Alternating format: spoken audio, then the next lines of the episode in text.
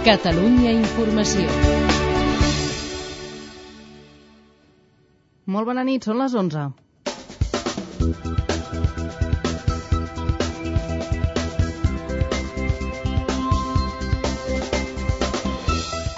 ...155 morts i més de 300 ferits en els atentats de Bombay i els assalts posteriors a dos hotels i un centre jueu. Les tropes d'elit índies intenten reduir els terroristes que encara hi ha a l'hotel Taj Mahal.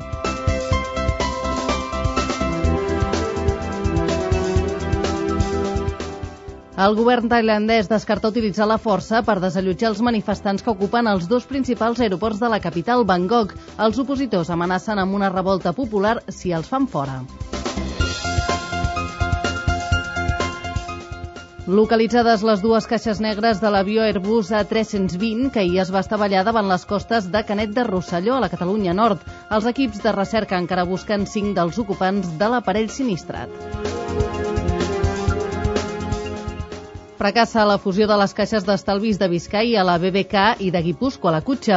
Calien dos terços dels vots de les assemblees de les dues entitats i finalment han faltat cinc vots per aprovar la fusió que impulsava el PNB. Les multes de trànsit només es notificaran una vegada en comptes de tres com fins ara. Trànsit premiarà amb una rebaixa del 40% de la sanció als conductors que la paguin immediatament. A partir de dilluns, Salut reforçarà els serveis d'urgències mèdiques amb mig miler d'efectius més per afrontar l'augment de malalts amb l'arribada de la grip.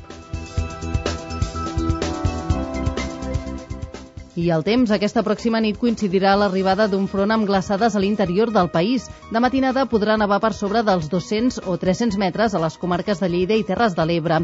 Demà al matí s'estendran les precipitacions, però la cota de neu pujarà progressivament cap als 500 metres.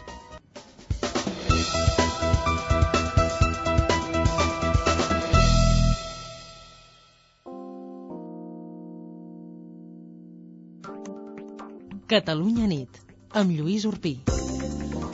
Hola, molt bona nit a tothom. Ara passen en dos minuts de les 11 i comencem el Catalunya Nit de Catalunya Informació parlant dels dos anys del govern d'Entesa i de la fotografia que els tres líders, Montilla, Carot i Saura, s'han fet en una visita d'obres a la desaladora del Prat de Llobregat. El president José Montilla ha fet un balanç d'allò més optimista de la feina feta durant aquests dos anys del pacte d'Entesa. Però jo crec que aquest govern ha capgirat la tendència, ja no anem a remolc de les necessitats, en aquests dos anys eh, hem fet un salt sense precedents, incomparable. I coincidint amb aquest segon aniversari, Josep Antoni Duran i Lleida ha fet avui una nova aposta per la sociovergència. En parlarem avui a l'entrevista amb Xavier Tria, secretari general adjunt de Convergència i Unió. I com cada divendres, a l'Espai Hemicicle, repassarem amb Ignasi Abat i David Àngela l'activitat al Parlament de Catalunya d'aquesta setmana amb un qüestionari al portaveu adjunt del PSC a la Cambra Catalana, Joan Ferran. I abans de dos quarts de dotze arribaran els esports amb Jordi Castanyada. Jordi, bona nit. Bona nit. Què ens explicaràs avui? Doncs avui començarem parlant-vos del Barça i de l'important partit que té demà a les 10 al camp del Sevilla, important perquè comença aquesta etapa on es trobarà el Sevilla demà, però més tard el València, el Madrid i el Villarreal de forma consecutiva. Per al partit del Sevilla, Guardiola s'emporta Puyol i Torella ja que van descansar el partit de Champions de dimecres a l'Espanyol. El migcampista Roman Martínez, malgrat les crides a la calma de Dani Sánchez Llibre, diu que el partit de diumenge contra l'Sporting de Gijón sí que és una autèntica final i el Madrid eh, té més baixes eh, per jugar al camp del Getafe. Ara són Canavaro i Higuaín que no podran jugar aquest dissabte. Molt bé, gràcies Jordi, fins després. Fins després. I ja sabeu que ens podeu fer arribar els vostres correus a l'adreça del programa catalunyanit arroba catradio.cat. Caixa Penedès us amplia la informació i us acosta a l'actualitat. Les notícies més destacades a fons. Caixa Penedès. Persones al servei de persones. Ara passen pràcticament 5 minuts de les 11. Avui el govern d'Entesa compleix en dos anys. Després d'una setmana farcida de conferències relacionades amb l'Equador de la legislatura, avui el president José Montilla ha volgut buscar una imatge simbòlica. Ha triat la desaladora que s'està construint al Prat de Llobregat per fer balanç de la tasca del tripartit en els últims dos anys i el to del seu discurs ha estat triomfalista. Ha dit que Catalunya ha fet un salt sense precedents en inversió i en polítiques públiques. Eva Godàs, bona nit. Bona nit. El president ha fet una visita d'obres a la desaladora acompanyat dels socis Joan Saura i Josep Lluís Carot Rovira.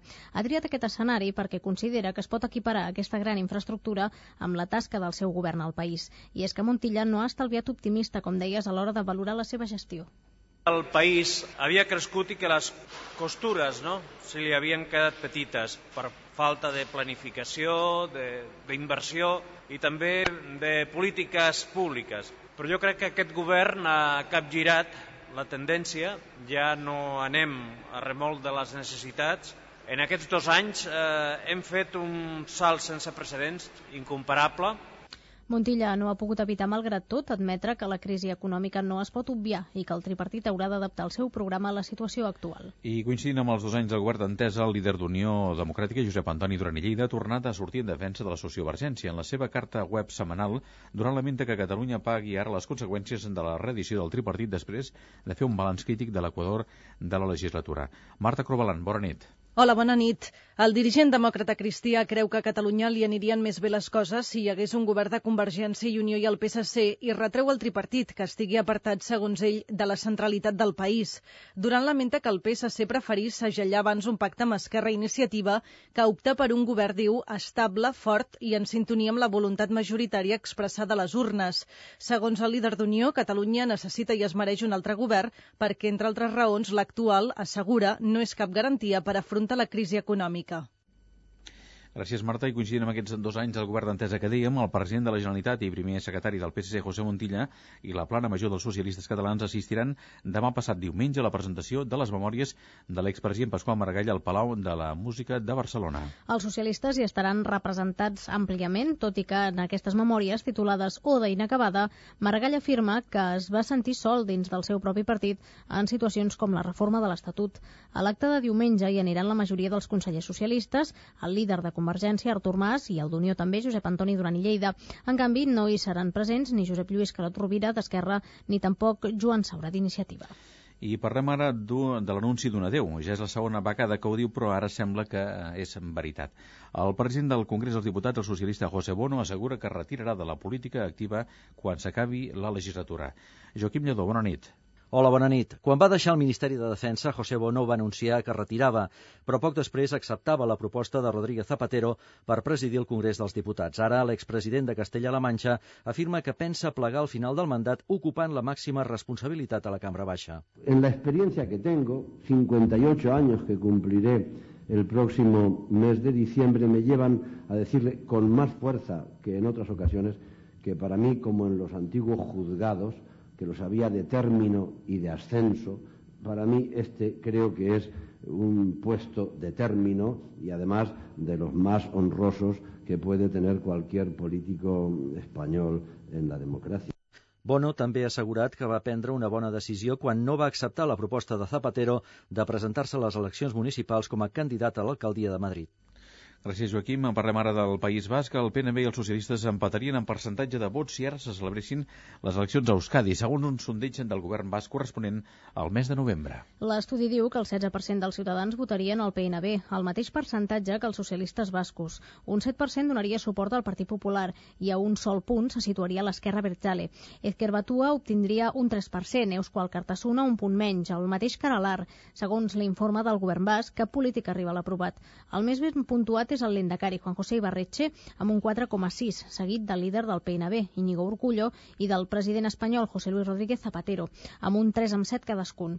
Sobre els problemes que amoïnen més els bascos, el principal és el mercat laboral, amb un 56%, per sobre del terrorisme, amb un 45%. Recordem que, en principi, les eleccions previstes a Euskadi són el mes de març de, de l'any que ve.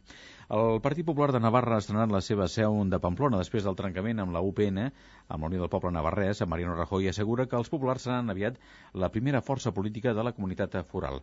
Anem a Pamplona. Joan Rossinyol, bona nit. Hola, bona nit.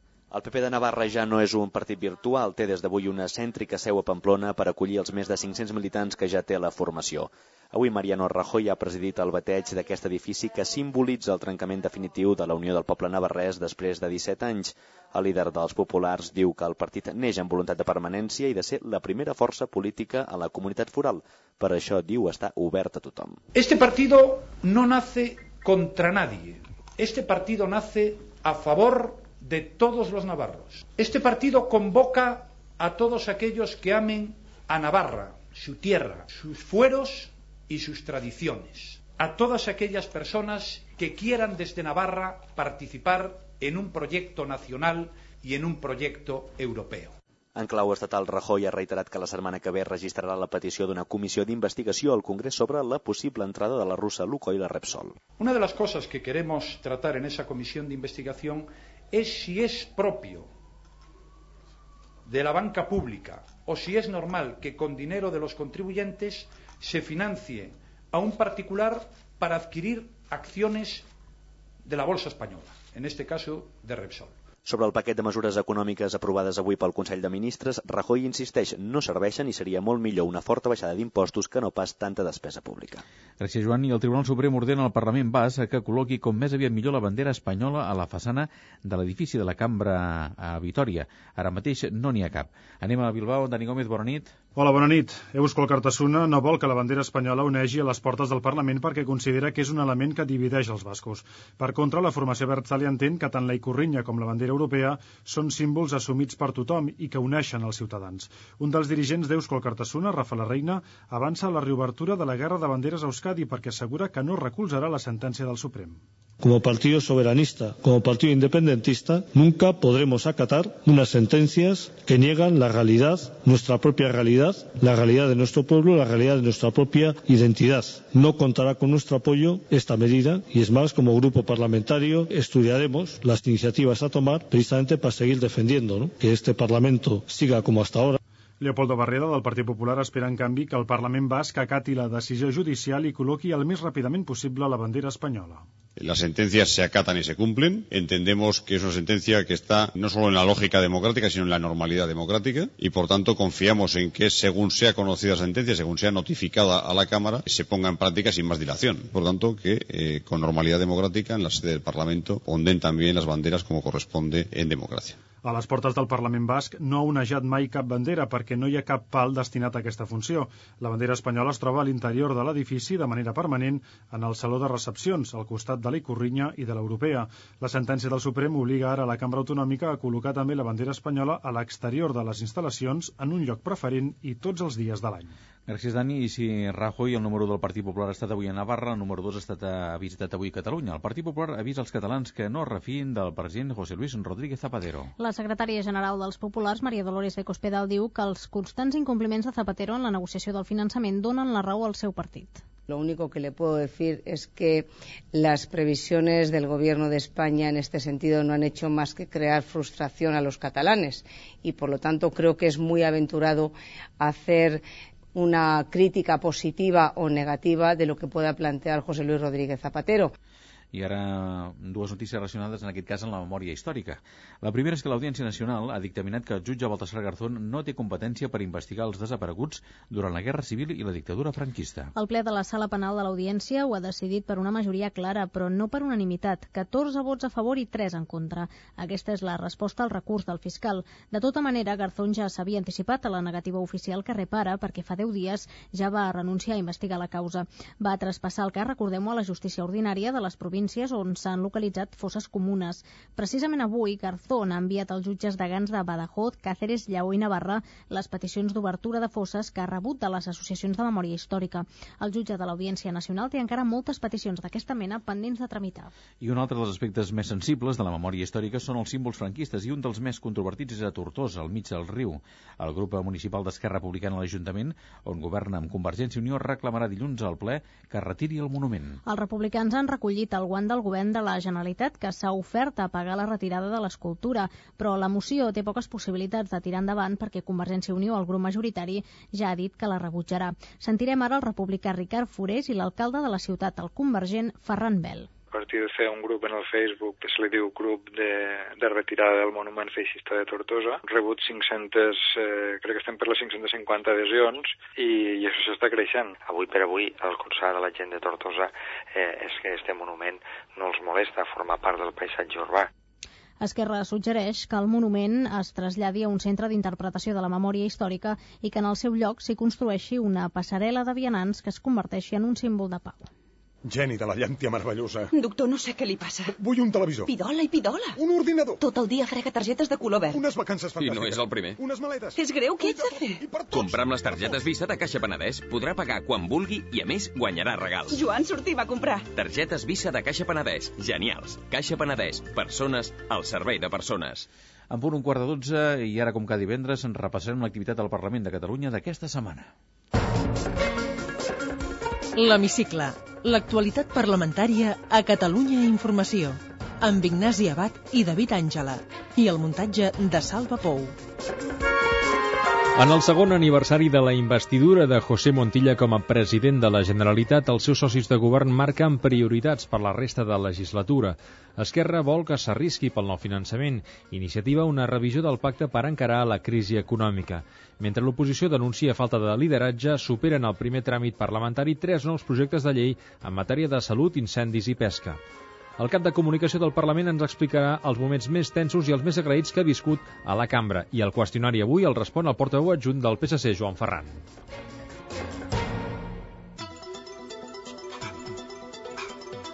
La sessió de control al president de la Generalitat d'aquest dimecres va ser monotemàtica, els dos anys del govern a examen. Com que dimarts Artur Mas ja havia demanat una reestructuració de l'executiu, per Convergència i Unió va prendre la paraula el portaveu Oriol Pujol, que va acusar Montilla de falta de crèdit a l'hora de negociar el finançament. Senyor president, vostè configura també part del govern de l'Estat. Vostè no pot plantar cara. I no estem en temps de diputat, descompte. acabat el Senyor president, vostè ha perdut el crèdit. Ni hem perdut el crèdit i vostè s'hauria de preguntar si vostès ho han guanyat perquè em sembla que no. Perquè de tant mirar el pinyol, vostès ja no veuen l'oliva. Des del PP, Daniel Cirera feia un balanç molt negatiu dels dos anys. Montilla responia amb contundència. Des de que vostè és president de la Generalitat, 120.000 catalans s'han quedat sense feina. Els expedients de regulació d'ocupació s'han incrementat en un 60%. 13.000 autònoms han tancat els seus negocis a Catalunya. Des de que sóc president, la Forra València va presentar un expedient de regulació de 5.000 persones. Des de que sóc president, ha fet fallida a Lehman Brothers. I des de que sóc president, sense anar més lluny, vostè també ha deixat de ser president del Partit Popular de Catalunya. Des del grup Mix, Albert Rivera denuncia que Iniciativa es manifesti aquest diumenge contra una llei del govern com la d'educació. Té vostè un problema, que és que els seus membres de govern signen, estan assentats al Consell de Govern i després se'n van a manifestar-se contra vostè. Aquest és el lideratge que té Catalunya. Des del tripartit, el republicà Joan Puigcercós demanava a Montilla que prengui riscos en la negociació del finançament. I l'ecosocialista Jaume Bosch una actualització del pacte d'entesa per fer front a la recessió. No són temps per la tranquil·litat ni pel confort. Són Senyor temps diputat. per arriscar i per resistir, senyor president. Cal posar l'actuació de tot el govern al servei de l'objectiu de superar la crisi.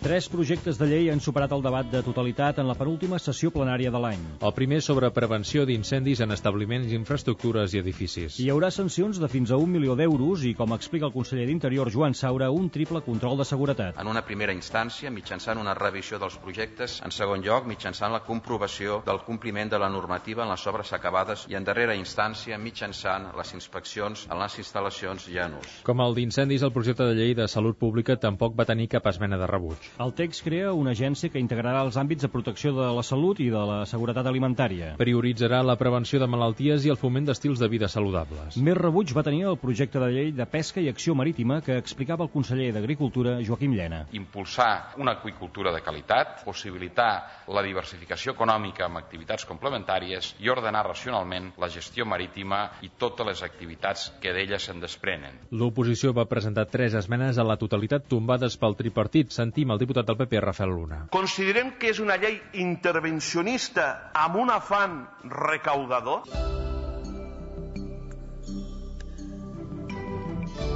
De les interpel·lacions del ple en destaquem l'anunci que va fer el conseller Saura en una de Convergència i Unió sobre el desplegament estatutari.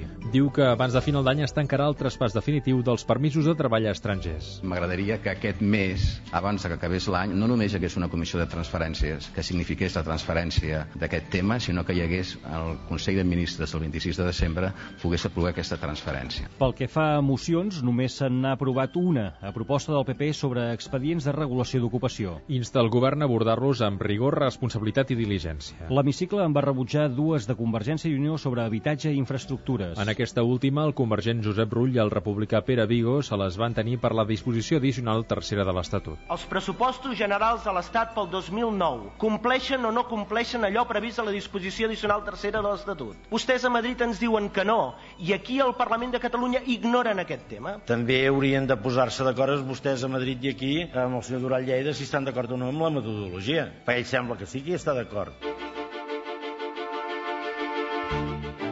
Picabaralla i forta la protagonitzada en la interpel·lació del convergent Xavier Pallarès al conseller Llena en presència de damnificats per la situació de la cooperativa porcina Copalme. Aquesta gent avui han de marxar d'aquí sabent que recuperaran els seus estalvis, tenint la confiança del govern de la Generalitat que els escoltarem. Senyores i senyors d'Almenar, benvinguts. Em sap greu que sigueu utilitzats per una opereta d'aquesta magnitud. No ens digui que la gent de Convergència i Unió això ho utilitzem. No ho utilitzem, honorable conseller. Volem respostes. Vostè crida molt, però no resol res.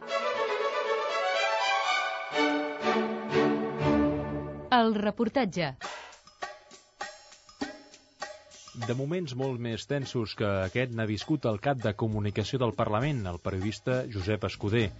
En els pròxims minuts repassarem algunes de les vivències que més l'han marcat en els 8 anys que fa que treballa per a la cambra. Va entrar l'any 2000. Vaig començar que governava la Generalitat Jordi Pujol i en la qual també hi havia el Parlament, el senyor Pasqual Maragall, aleshores cap de l'oposició. Va ser una legislatura, jo penso, molt interessant perquè és la que es va preparar ja el canvi, es va preparar la transició i això es notava molt aquí. Com a experiència professional recordo com moments intensos i vius l'elaboració de la proposició de llei d'Estatut d'Autonomia en ponència. Les reunions eren, eren a porta tancada, però havia una transparència i una publicitat.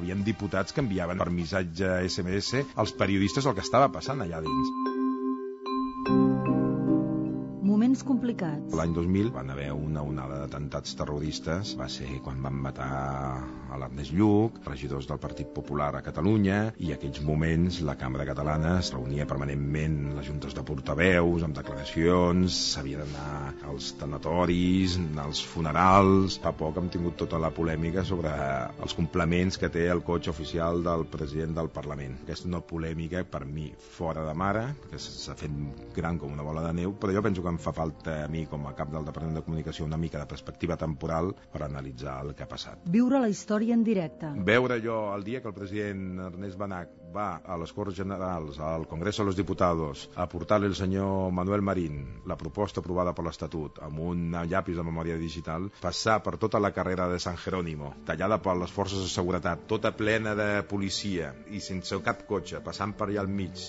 tot preparat perquè no li passés res al representant del Parlament de Catalunya que portava l'Estatut, per mi va ser un moment també fins i tot històric, ho veig, no? Visitants il·lustres. Jo recordo com audiències o visites importants la del pare de Reverend Desmond Tutu, Premi Nobel de la Pau, el Dalai Lama, a l'acte d'homenatge que van fer amb la medalla d'honor als 16 jutges, tenia aquí a la Maria del Mar Bonet, a Lluís Llach, a tots els components d'aquesta generació que ens ha marcat a molts catalans, jo penso que va ser molt important. Il·lustres visitants amb capricis florals. L'any 2000 vam tenir la reina nord de Jordània, defensava tota una campanya en defensa de, de, de l'eliminació de les mines antipersona que estan col·locades a molts llocs del món i realment recordo que aquesta va ser una visita espectacular per l'interès que va despertar en tots els mitjans de comunicació, sobretot del cor. La senyora és molt senzilla, però bueno, tenen ja alguna demanda, no? Per exemple, necessitava un quarto de bany només per ella, un mirall més gran de les mides habituals i algun complement floral, algunes flors necessitava el lavabo.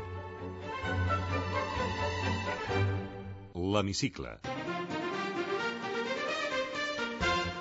Tornem a l'actualitat perquè el ple va donar llum verda a l'informe de fiscalització del Compte General de la Generalitat del 2005. Un text que la mateixa sindicatura va aprovar amb tres vots particulars per reserves sobre la manera de compensar l'endeutament, com recordava el diputat nacionalista Jordi Turull. Resulta que el síndic ponent, el que té totes les dades de com està el nivell d'endeutament, ha d'acabar fent un vot particular del seu propi informe, perquè entre el primer esborrany i el definitiu, algú o alguns decideixen que s'han de canviar les conclusions. No és sorprenent que hi hagi tres vots particulars, un d'ells el del ponent, né?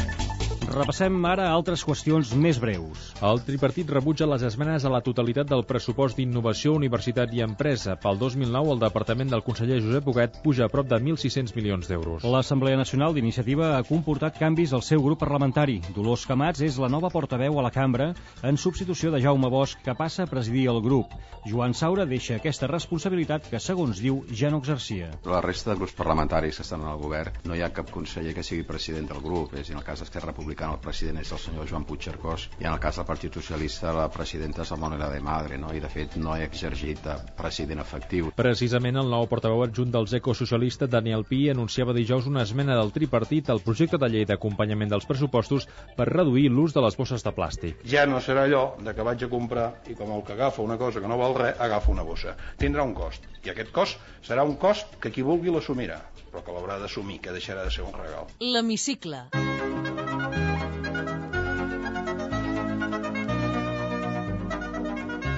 De bon humor.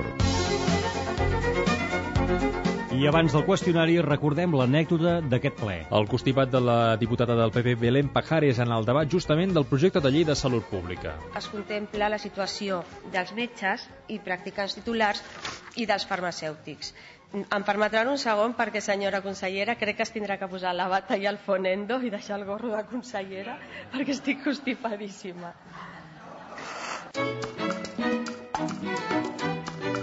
Té la paraula Joan Ferran, portaveu adjunt del grup parlamentari socialista al Parlament de Catalunya. en una frase. Senyor Joan Ferran, cap on va a Catalunya? Cap a un futur cada vegada millor. Com s'imagina l'Espanya del futur? Federal. Qui mana a Catalunya? Ara el president Montilla. La transició va ser modèlica. No del tot, perquè van haver-hi morts. De què serveix el síndic de Greuges? Per recollir greuges i explicar-los i fer d'altaveu. La seva butxaca nota la crisi? No. Es viu bé de la política? Sí. Els seus fills van anar a l'escola pública, concertada o privada? Pública. L'arrel quadrada de 81? 9. Quin nivell té d'anglès? Zero. Quin nivell té de català? Més que el fer. Què parla en la intimitat? Català. S'ha d'acabar la Sagrada Família. Com s'està acabant ara, no. Deixar-la com la va deixar en Gaudí. El seu signe del zodíac? Escorpí. Cafè o tallat? Cafè. Ferran Adrià o Santi Santa Maria? No he tingut el gust de provar-ne cap dels dos. Llac o Serrat? Serrat. És Scarlett Johansson o Carla Bruni? La Johansson. Què li sembla el sexe pel sexe? Depèn amb qui el facis. Un programa de televisió que li agradi? Informe setmanal, Polònia... Quin personatge històric li hauria agradat ser? Aníbal, el cartaginès, va posar amb els romans amb serioses dificultats. Quina revolució hauria volgut viure? La soviètica, la russa i l'espanyola, la de l'any 36. Un diputat que no el deixi indiferent? Xavier Vendrell. De què ha treballat abans de ser diputat? De cambrer, de professor en una escola bressol, de professor d'història, de treballador proletaritzat en una indústria química, de moltes coses. Quin va ser el seu primer cotxe? Un 4L. Quin cotxe té ara? Un Honda. Per Barcelona ha fet servir el bicing. Soc eh, soci del bicing dels els seus inicis, l'he fet servir molt, fins i tot per venir aquí.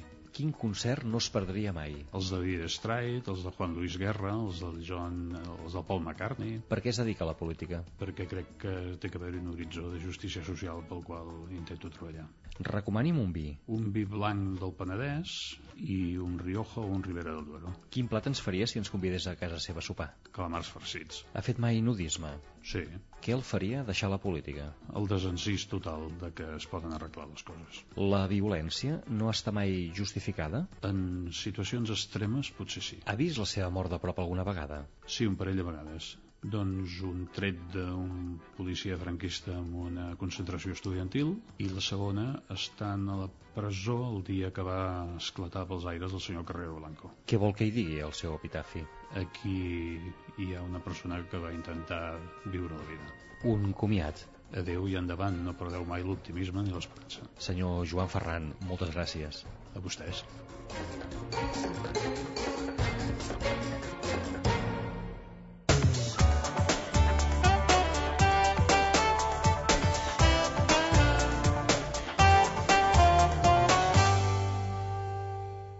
D'un minut i arribarem al punt de dos quarts de dotze. És el moment dels esports. En Jordi Castanyeda. Jordi, bona nit. Hola, bona nit. Comencem parlant d'aquest Sevilla-Barça de demà.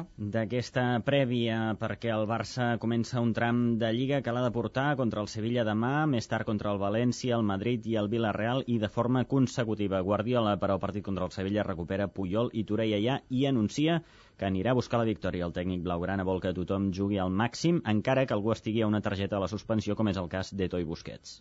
Han de jugar forts, agressius, anar a atacar, targeta groga, n'hi haurà una altra. No vull que especulin amb res. Cada jugada és important, cada acció és important. Una gran demostració és a Lisboa. 0-3 en un minut, 2-3. Això, a vuitens de final, estàs al carrer. I no val despistar-nos, hem de ser agressius amb tot, en les faltes, en l'estratègia, en cada pas, cada acció. És la manera millor per, per al final tenir opcions d'estar de, dalt. L'altre partit avançat de la Lliga és el Getafe-Madrid d'aquest dissabte. Els blancs tenen les baixes d'Higuaín i Can Navarro i el seu entrenador Schuster ha atacat el tècnic del Getafe, Víctor Muñoz, que ha dit que el Madrid jugava malament. Todo el mundo está libre. Aquí le damos los micrófonos a todo el mundo. No importa si es feo, guapo, alto, bajo. No importa. Pasa que no pasa nada. ¿eh? Que eh, realmente es una cosa que tienes que aceptar. Para usted el Real Madrid juega bien. Yo lo veo diferente por las opiniones de muchos, eso es verdad, pero es también lógico que soy el entrenador que en principio no puede ser tan negativo como muchos, ¿no? Dels partits de diumenge destaquem l'Espanyol Sporting de Gijón. A les 5 a l'Olímpic Lluís Companys. Malgrat les crides a la calma del president, el migcampista Roman Martínez assumeix que juguen una autèntica final. Los resultados, por ahí la confianza te la saca un poco, pero hay que estar bien confiado para el domingo. Es una de las finales que tenemos, hay que, es, ya dije recién, hay, es feo verse ahí abajo y hay, y hay que levantar. Y el domingo hay que, que ganar sea como sea. Tenemos un plantel de grandes jugadores y por más que vengamos mal, eh, el campo de juego el domingo seremos 11 contra 11 y, y después del partido te diré si ellos están mejor o nosotros estamos peor. I a segona, el Girona rep el Sevilla Atlètic, cua de la categoria aquest dissabte a Montilivi. Els gironins recuperen José i Matamala. És baixa Alberto Manga, que s'ha lesionat a l'entrenament d'aquest divendres. El Nàstic juga diumenge a casa contra l'Hèrcules. Un resultat de la Lliga LEP d'aquest eh, divendres. Plus Pujol Lleida 69, Màlaga 73 i d'hoquei patins, una altra sanció el comitè de competició ha sancionat el Massanet amb 2.100 euros i un avís de tancament de pista pels incidents entre la banqueta de l'Igualada i el públic de Massanet que hi va haver al final del partit de la Lliga que va enfrontar els dos clubs. Molt bé, gràcies Jordi. Fins després. Fins després. Catalunya nit, amb Lluís Urpí. I ara és el moment de repassar algunes de les principals notícies d'aquest divendres 28 de novembre. Ho fem tot seguit amb l'Ester Castanyer. Ester, bona nit, quan vulguis. Bona nit, doncs comencem per algunes valoracions dels dos anys del pacte del govern d'Entesa. José Montilla diu que el govern ha fet un salt sense precedents en inversió i polítiques públiques, tot i que reconeix que ara cal adaptar el programa al context de crisi. En canvi, el líder d'Unió, Duran i Lleida, lamenta que Catalunya pagui les conseqüències de la redició del tripartit i aposta de nou per la sociovergència. El Consell de Ministres ha aprovat el paquet de mesures destinades a crear ocupació. Entre d'altres, preveu una injecció de 8.000 milions d'euros als ajuntaments perquè puguin finançar obres municipals i així generar més llocs de treball. I també us destaquem que el president del Congrés, el socialista José Bono, torna a dir que retirarà de la política. Ho farà quan s'acabi la legislatura i és que assegura que aquest càrrec és un final digne per la seva carrera. D'altra banda, a Bombay ja hi ha 155 morts arran de l'ofensiva terrorista que va començar dimecres. Les forces de seguretat índies intenten ara controlar l'últim focus de resistència terrorista que està en un hotel on hi ha hostatges i també un gran incendi.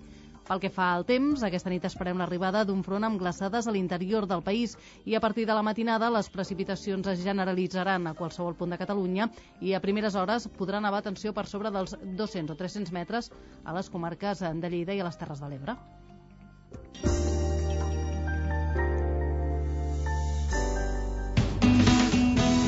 Bona nit. El número premiat del cuponàs celebrat avui és el... És l'11.005 11005 de la sèrie 57. Demà, com cada dia, hi haurà un venedor molt a prop teu que reparteix il·lusió. Bona nit i recorda que amb el sorteig de l'11 la il·lusió es compleix.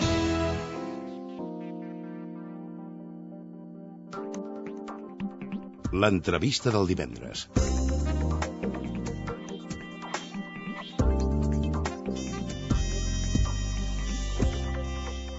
Avui a l'entrevista dels divendres ens acompanya als nostres estudis el secretari general adjunt de Convergència i Unió i president del grup municipal de la Federació a l'Ajuntament de Barcelona, Xavier Trias. Senyor Trias, bona nit i benvingut. Bona nit.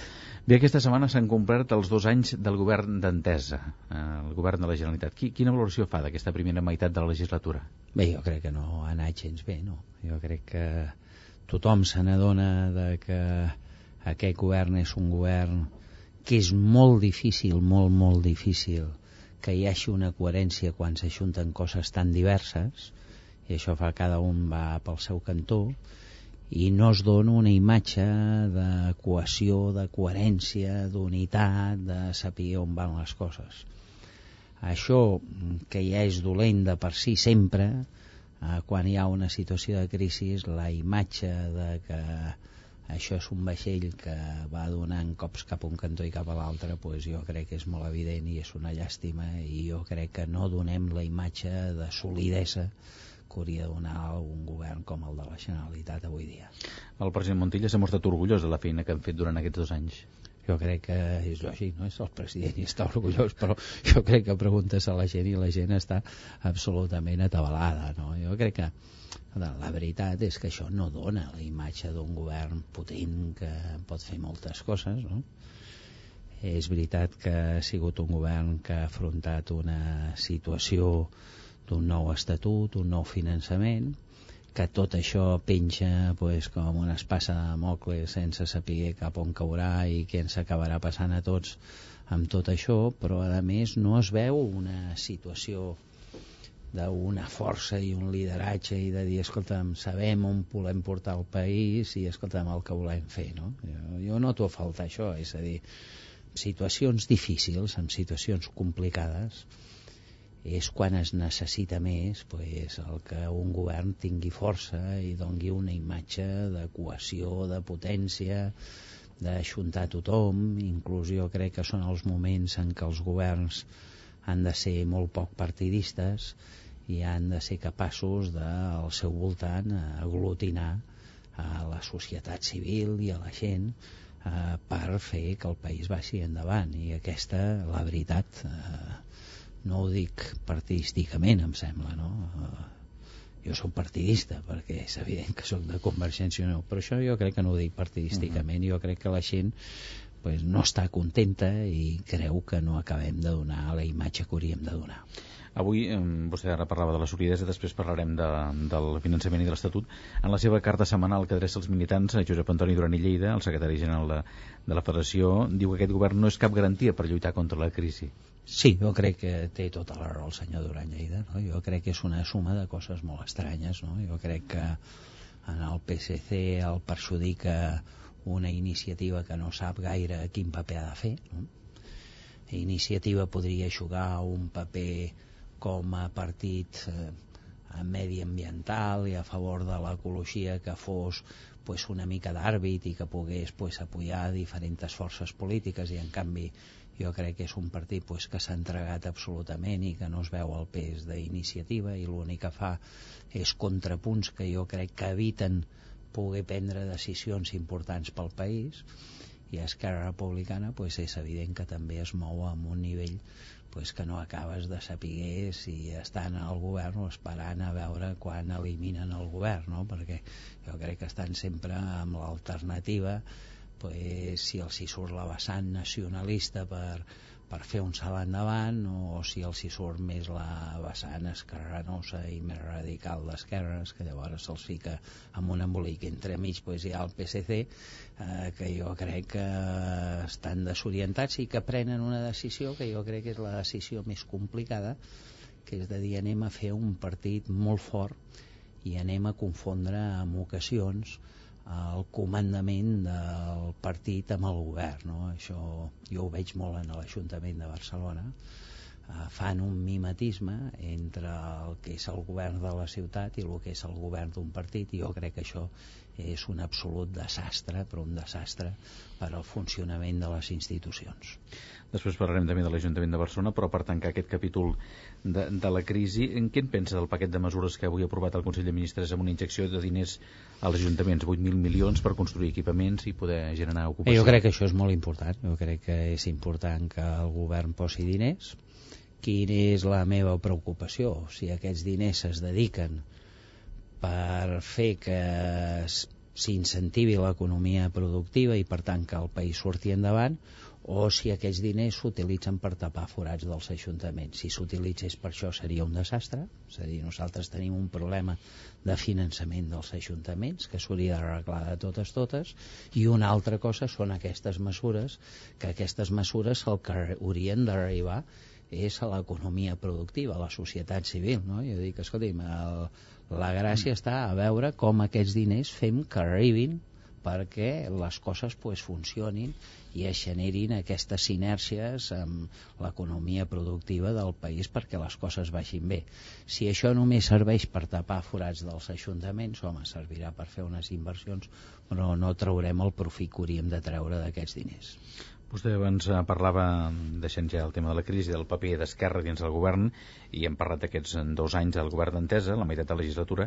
Avui, en, fent referència a aquesta carta que abans li comentava, que adreça durant els, els, durant ell i dels militants, en aquest cas d'Unió Democràtica, ha apostat una vegada més per la sociovergència. No, ha dit una cosa que jo crec que és òbvia, no? El, el senyor Mas va guanyar unes eleccions i jo crec que el lògic és primer apropar-te en el partit que ve després teu per si vol governar amb tu. I ens van donar carbasses i ens van dir que no i bé, i estem així i terra el senyor Duran Lleida quan diu pues, que hagués sigut millor en aquell moment fer no la, no la socioconvergència sinó la conversocio, si a cas no eh? perquè el president sí, primer convergència sí, perquè el, el que va guanyar les eleccions el que va guanyar les eleccions va ser Convergència i Unió no? per tant a mi em sembla que això hagués estat pues, una opció possible, no? que no hagués estat cap disbarat, que jo crec que quan les situacions són tan límits pues, com la situació econòmica que hi ha en aquest moment no és cap tonteria, però els que no ho volen són ells, és a dir, no, eh, el problema no és és a dir, se sembla que es vulgui plantejar això el senyor Duran Lleida pues, està a favor de la socioconvergència i Convergència no està a favor d'això no, no, no, és que ens donen carbasses que és diferent, no? I jo crec que el senyor Montilla pues, escolta, en té molt clar que vol ser president de la Generalitat i per tant el senyor Montilla està a favor del tripartit no? Uh -huh. eh, nosaltres també som, volem ser presidents de la Generalitat això és veritat no? i jo crec que l'única manera de ser-ho pues, és treure uns resultats que no hi hagi absolutament en cap dubte jo dic, escolta, hem guanyat dues vegades cap de les dues vegades hem pogut fer govern pues, què és el que ha de passar? Pues hem de guanyar amb una majoria molt més folgada que la que tenim ara, no? que és el que jo crec sincerament que passarà a les properes eleccions. I pel que fa al paper d'Esquerra, eh, seria possible un pacte entre Convergència i Unió i Esquerra Republicana després de les pròximes eleccions? Per què no? no? Jo crec que és un pacte natural, com podria ser també un pacte natural amb els socialistes, o hi poden haver diferents fórmules de pacte. Jo crec que parlar de pactes abans de guanyar i de saber com a suma és una mica perdre el temps uh -huh. i perdre vots, no? I per tant jo crec que, que hem de fer nosaltres, no? Demanar confiança, demanar a la gent que quan arribi el moment pues, ens facin confiança i explicar una cosa no? la gent ens coneix i la gent sap que tenim seny i que nosaltres intentarem fer les coses de manera que el govern que es faci en el futur sota el comandament de l'Artur Mas que sigui un govern al màxim plural perquè la gent s'hi pugui sentir còmoda no? I per obtenir aquests resultats eh, el projecte de la Casa Gran de Cadarrisme serà la clau? És una eina, és una eina important, no la única, jo crec que el projecte de la Casa Gran no és tant un projecte electoral com un projecte de país, no? és a dir, és veritat que també té una connotació electoral, no? però jo crec que el projecte de la Casa Gran va més enllà d'unes eleccions, va en el convenciment de que o molts ens aglutinem al voltant de creure en Catalunya com a nació i que volem que aquesta nació es desenvolupi i que sigui una nació al màxim de plena possible i que siguem capaços d'avançar cap a cotes cada dia més elevades d'autogovern i de, o si no, i de benestar o si no les coses no funcionaran. I això necessitem molta gent que s'hi junti i molta gent amb sensibilitats diverses no? i per tant no és tant una eina electoral com d'aglutinar gent que inclús pensa molt diferent i que creuen que és important que el país baixi en una determinada direcció que jo crec que és la gràcia d'aquest invent no? és a dir, jo crec que el que hem d'aconseguir és evident que cada un té les seves eines no? nosaltres tenim instruments eh, que és Convergència i Unió però és evident que només amb els partits les coses no van només amb els partits no? Mm. i tu has d'aconseguir aglutinar molta gent que no vol estar uh, identificada amb unes sigles però que en canvi està identificada amb el país no? i a aquesta gent els hem de dir que els necessitem no?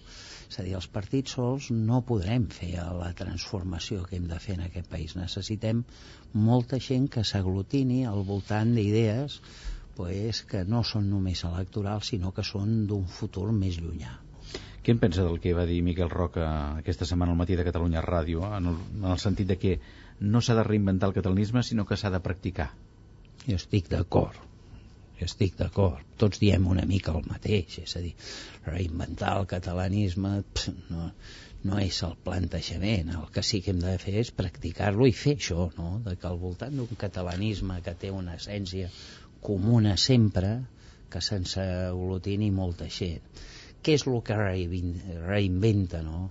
les estructures o les maneres o les estratègies per aconseguir eh, pues, aquesta pràctica no? que no és tan fàcil és a dir, això eh, hi ha cops que les frases pues, queden bé i tal no? però la pràctica diària és el que et costa i el que és difícil no? i com això eh, fa que molta gent et pugui seguir. Jo sóc dels que crec que l'exemple és bàsic, no?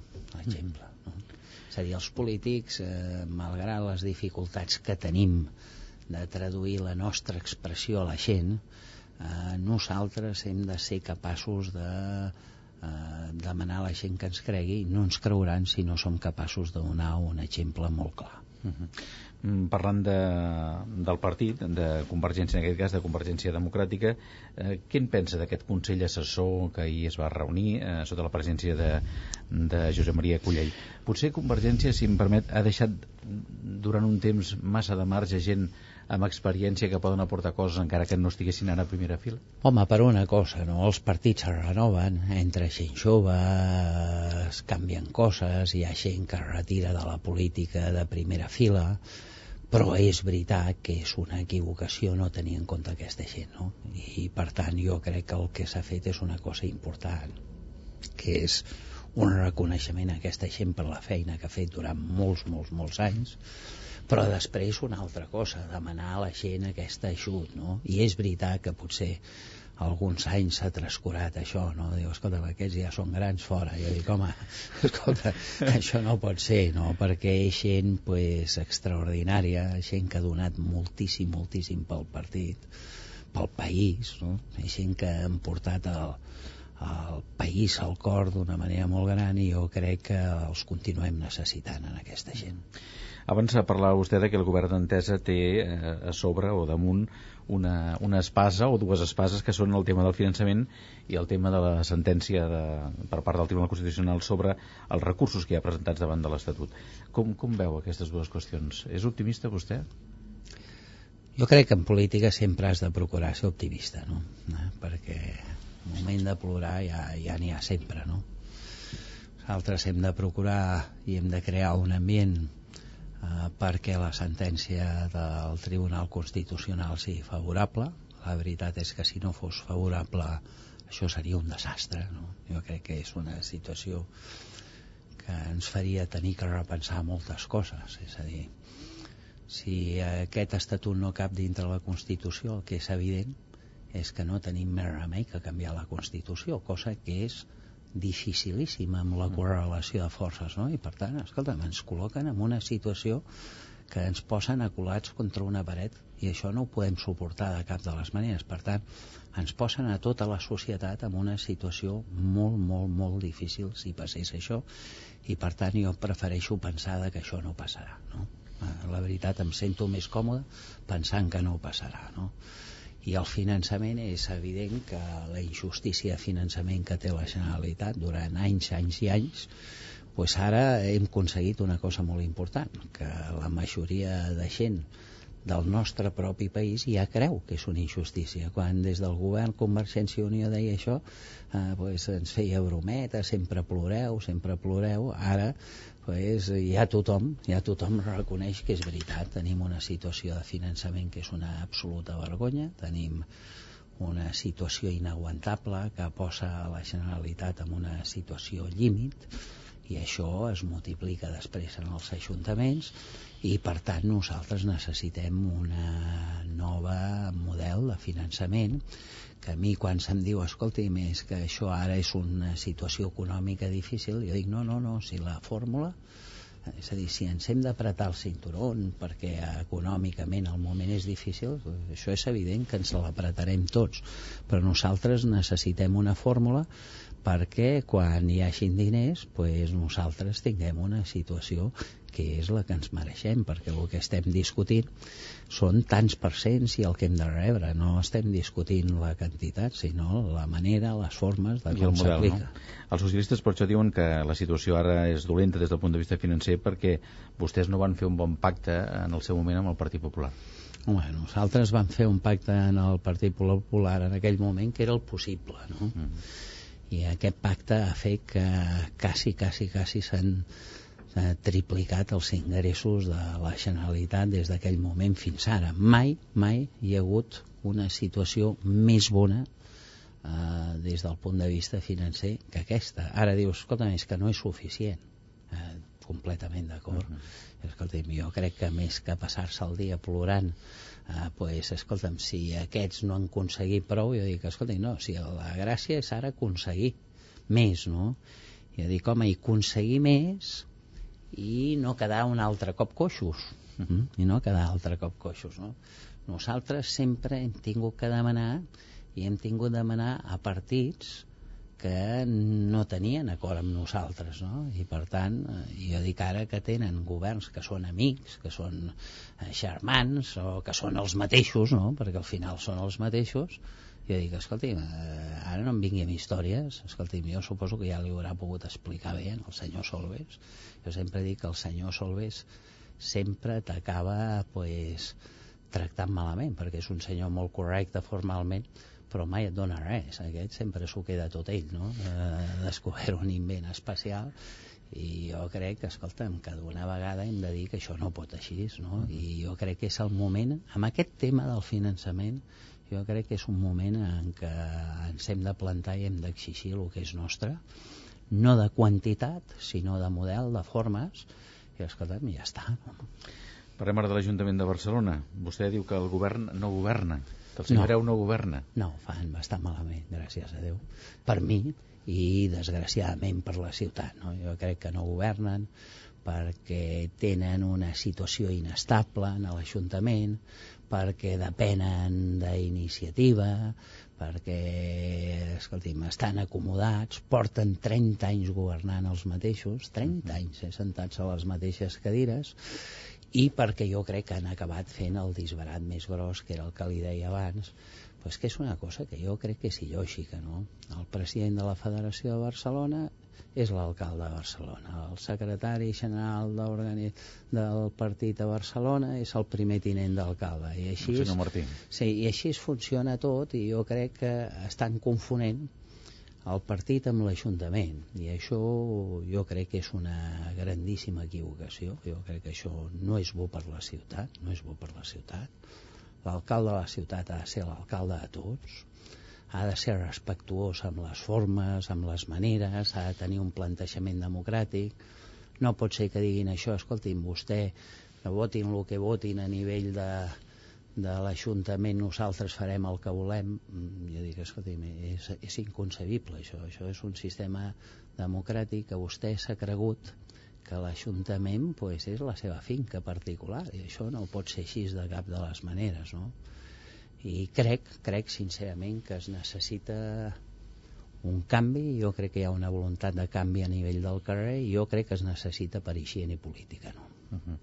Mm, pel que fa als pressupostos, vostès han fet ja una, una, una han plantejat una contraproposta sí. on demanen més inversió i més endeutament, no? Sí, sí, nosaltres fem un plantejament perquè l'Ajuntament sempre ens explica una història de que l'Ajuntament de Barcelona té diners i per tant pues, té una situació còmoda i nosaltres li diem, escolti'm, pues, en una situació de crisi és en el moment on un ajuntament pot fer un pas endavant, es pot endeutar una mica, no, no massa, però una mica, a fi efecte de poder fer una acció positiva envers la crisi i de que la gent la noti menys aquesta crisi no? i per tant que prenguin mesures sobretot mesures que ajudin a la petita i mitjana empresa i mesures que ajudin pues, a la gent pues, que passarà malament perquè diu, no, no, és que l'Ajuntament no està en crisi i jo dic, no, no, si si no és que la crisi la tingui l'Ajuntament, si la crisi la tenen les famílies, la gent del carrer, no?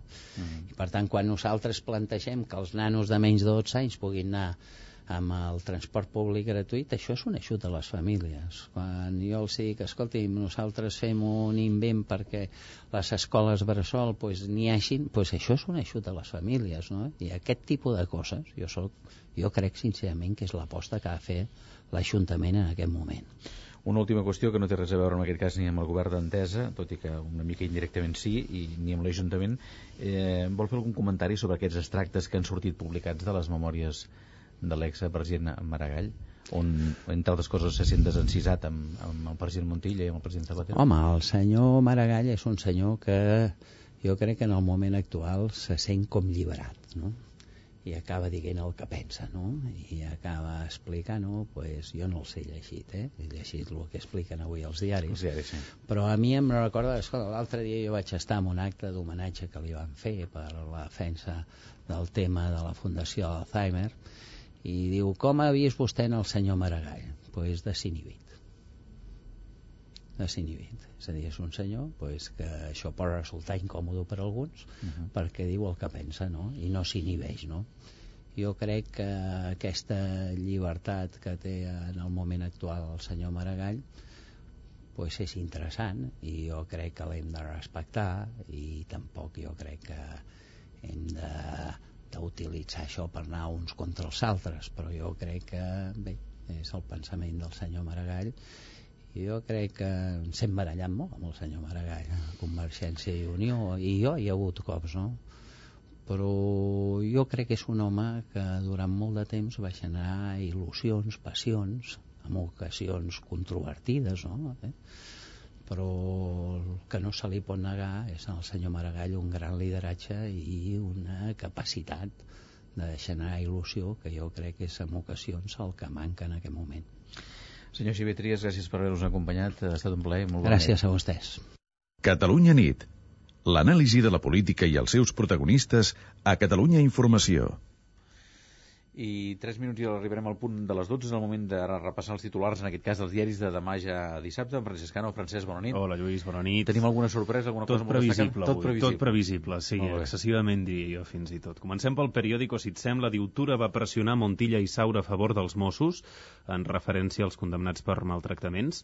L'exèrcit triga en aconseguir el control total de Bombay i el metro i el bus seran gairebé de franc pels nens a partir del mes de gener la Vanguardia.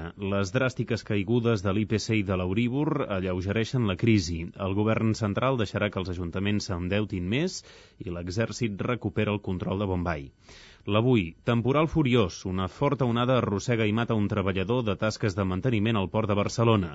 Montilla treu pit. El president assegura que el govern ja no va a remolc, sinó que s'avança les necessitats del país i l'epidèmia de grip arribarà a Catalunya d'aquí a 15 dies. Al país, forces d'elit sufoquen a sang i foc l'onada de terror a Bombay. Habitat presenta la segona suspensió de pagaments més gran d'aquesta crisi i a les pàgines de Catalunya el titular principal és la consellera Tura val als Mossos condemnats per tortures perquè els coneix bé. El Punt, a la seva edició de Barcelona, municipis del Maresme, el Vallès i el Garraf promouen noves línies de tramvia.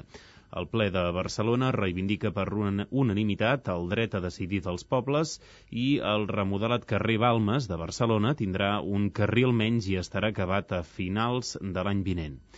L'ABC diu Hàbitat suspèn pagaments i Colonial i Metrobacesa intenten evitar el desastre. Final del malson, en referència als espanyols que han arribat de l'Índia, i el Suprem ordena al Parlament basc que, prengui la, que pengi la bandera nacional, nacional, és a dir, l'espanyola.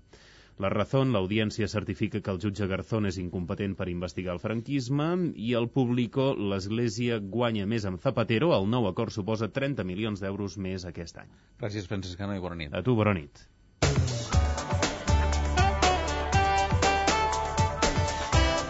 I ara els esports, alguns titulars i la reflexió amb Jordi Castanyeda. Jordi, bona nit.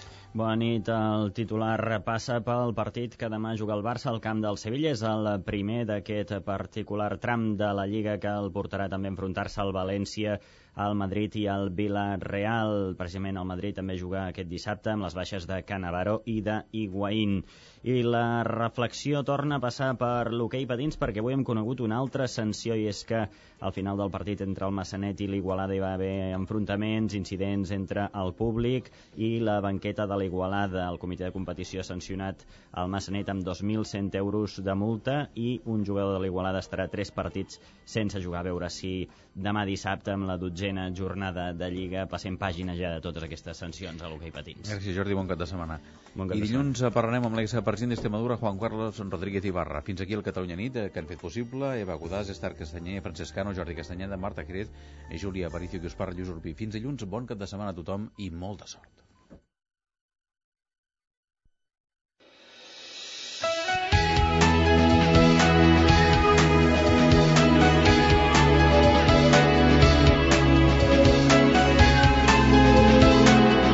Catalunya Informació. És mitjanit.